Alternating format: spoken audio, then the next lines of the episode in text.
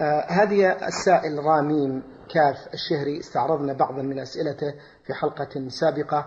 آه في هذا السؤال يقول هل استنشاق البخور في نهار رمضان يفطر أم لا؟ الحمد لله رب العالمين وأصلي وأسلم على نبينا محمد وعلى آله وأصحابه ومن تبعهم بإحسان إلى يوم الدين. المفطرات التي تفطر الصائم لا بد أن يكون عليها دليل من الكتاب أو السنة أو الإجماع. وإلا فالأصل أن الصوم صحيح غير باطل.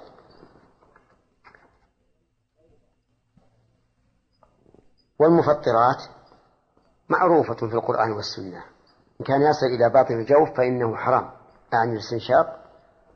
ومفطر لمن كان يعلم أنه محرم وأنه يفطر الصائم.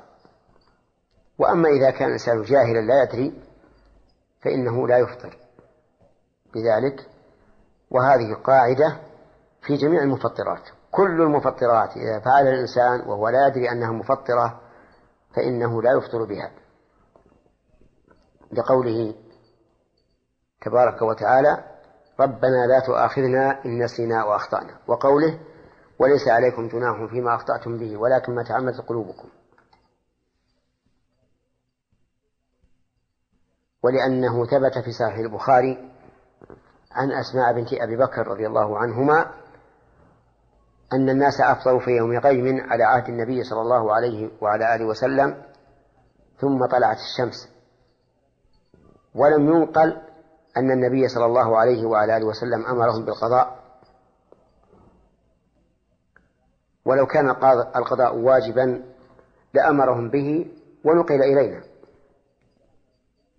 لأن النبي صلى الله عليه وعلى آله وسلم لا يمكن أن يؤخر البلاغ عن وقت الحاجة إليه. وإذا بلغ فلا بد أن ينقل لأنه إذا بلغ صار من شريعة الله وشريعة الله محفوظة. المهم أن الصحابة حين أفطروا في يوم الغيم على عهد الرسول صلى الله عليه وسلم ثم طلعت الشمس ولم ينقل أنهم أمروا بالقضاء كان ذلك دليلا على أنه على أن من كان جاهلا فإنه لا قضاء عليه. وأما النسيان فقد صح عنه صلى الله عليه وسلم أنه قال من نسي وهو صائم فأكل أو شرب فليتم صومه فإنما أطعمه الله وسقاه. وعلى هذا فنقول للسائل لا تستنشق البخور وأنت صائم. ولكن تبخر به ولا حرج. وإذا طار إلى إلى إلى أنفك شيء من الدخان بغير قصد فلا يضر. ونقول أيضا إذا كنت لا تدري أنه مفطر وكنت تستعمله من قبل أي تستنشق البخور حتى يصل إلى جوفك فلا شيء عليك. لأن جميع مفطرات الصوم لا تفطر إلا إذا كان الإنسان عالما بها وعالما بتحريمها وذاكرا لها. بارك الله فيكم. آه المستمعة أم حنان من الرياض بعثت بسؤالين السؤال الأول تقول هل رائحة العطر تفطر؟ وهل استنشاقه أيضا يفطر؟ وأسأل عن رائحة العود والبخور فضيلة الشيخ. نعم. رائحة العطر لا تفطر. حتى لو استنشق الإنسان هذا العطر فإنه لا يفطر. لأنه لا يتصاعد إلى جسمه شيء سوى مجرد الرائحة. وأما الاستنشاق بالماء فإن النبي صلى الله عليه وآله وسلم قال للقيط بن صبرة رضي الله عنه أسبغ الوضوء. وخلل بين الأصابع وبالغ في الاستنشاق إلا أن تكون صائما.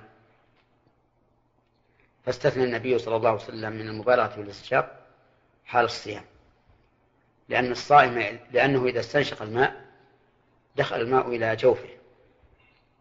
فلهذا قال إلا أن تكون صائما. وأما البخور فلا بأس أن يتطيب به الإنسان. ويطيب به ثوبه ويطيب به رأسه ولكن لا يستنشقه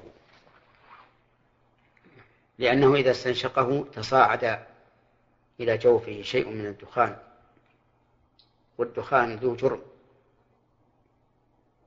فيكون مثل الماء. وقد قال النبي عليه الصلاة والسلام للقيط بالغ في الاستنشاق إلا أن تكون صائما. ثم إنه ثبت من الناحية الطبية أن استنشاق الدخان مضر على القصبات الهوائية سواء كان بخورا أم غير بخور. وبناء على ذلك لا ينبغي استنشاقه لا في حال الصيام ولا في حال الفطر. بارك الله فيكم. هل يجوز استعمال المعجون في نهار رمضان؟ هذه المستمعة ميم راء من نعم معجون الأسنان. آه نعم يجوز للصائم نعم. في رمضان وغيره أن يستعمل المعجون بشرط أن لا يصل إلى حلقه ولكن كما نعلم جميعا المعجون له نفوذ سريع يصل إلى الحلق وقد لا يتحكم فيه الإنسان. فلهذا نرى أن الأفضل أن لا يستعمله الصائم لقول النبي صلى الله عليه وآله وسلم للقيط بن صبرة بالغ في الاستنشاق إلا أن تكون صائما. فقال إلا أن تكون صائما لئلا تفضي المبالغة في الاستنشاق إلى نزول الماء من خياشيمه إلى حلقه أو إلى جوفه. فالأولى أن لا يستعمل الإنسان هذا المعجون في حال الصيام.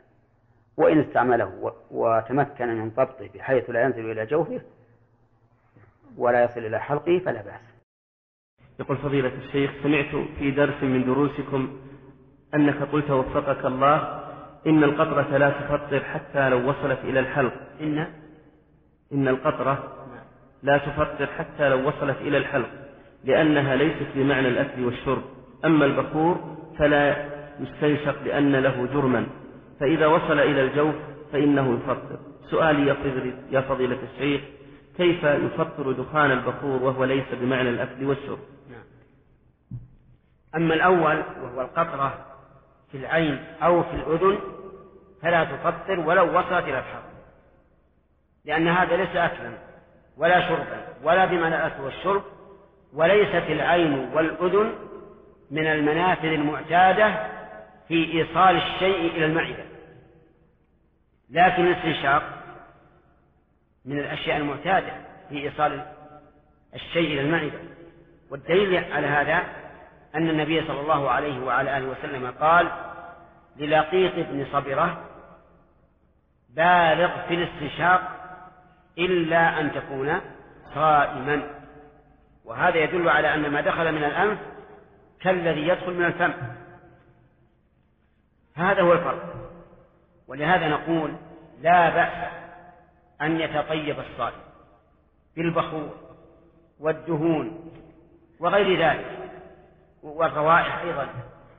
لكن دخان البخور لا يستنشقه لأنه ربما يصل إلى إلى جوف هل ترون أن الحجامة تفطر الصائم وقد ورد دليل في مسلم يدل على أن قول النبي صلى الله عليه وسلم أفطر الحاجم والمحجوم كان متقدما وأن آخر أمره عليه الصلاة والسلام الترخيص بها للصائم أفيدوني جزاكم الله خيرا.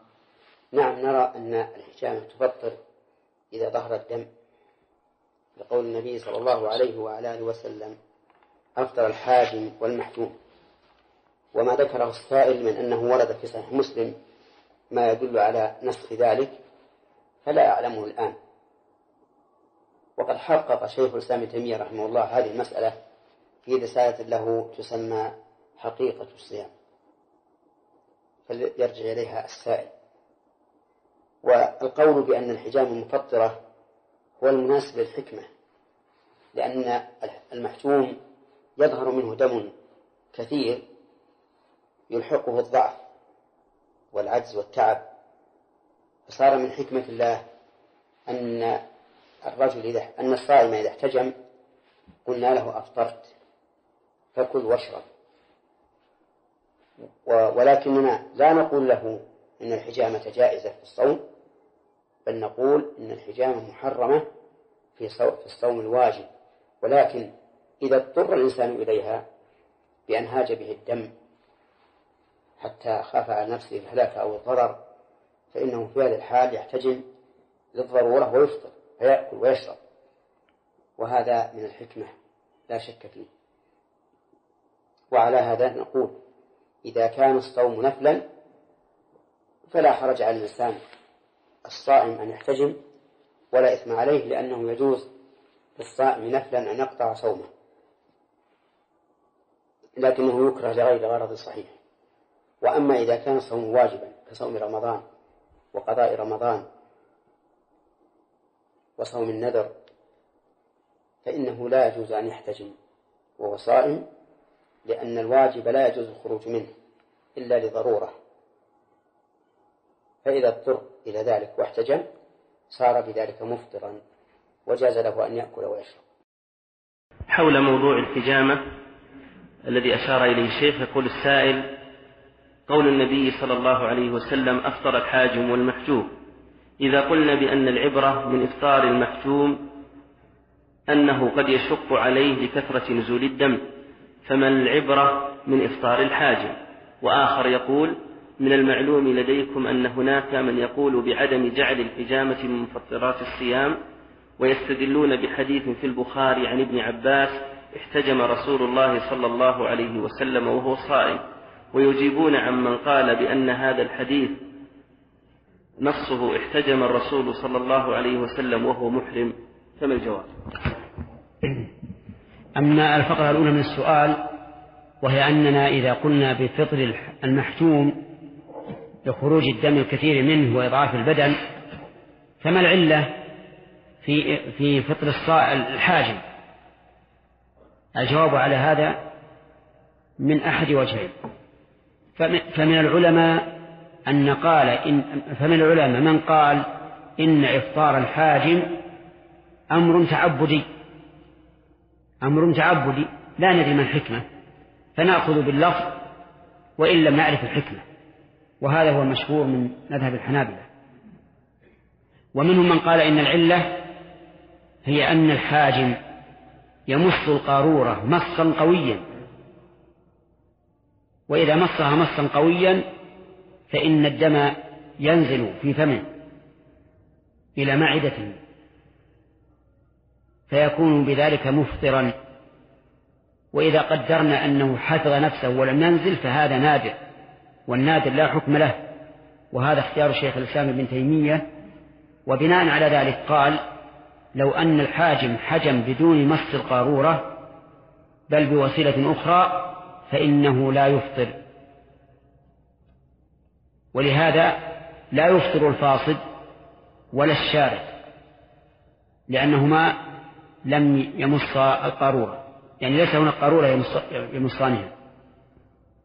أما بالنسبة لحديث عبد الله بن عباس رضي الله عنهما أن النبي صلى الله عليه وآله وسلم احتجم وهو صائم فقد قال الإمام أحمد إن هذه الرواية خالف فيها الراوي أصحاب عبد الله بن عباس الذين رووا الحديث فقد رووه بأنه احتجم وهو محرم. ويكون قوله وهو صائم تكون رواية شاذة.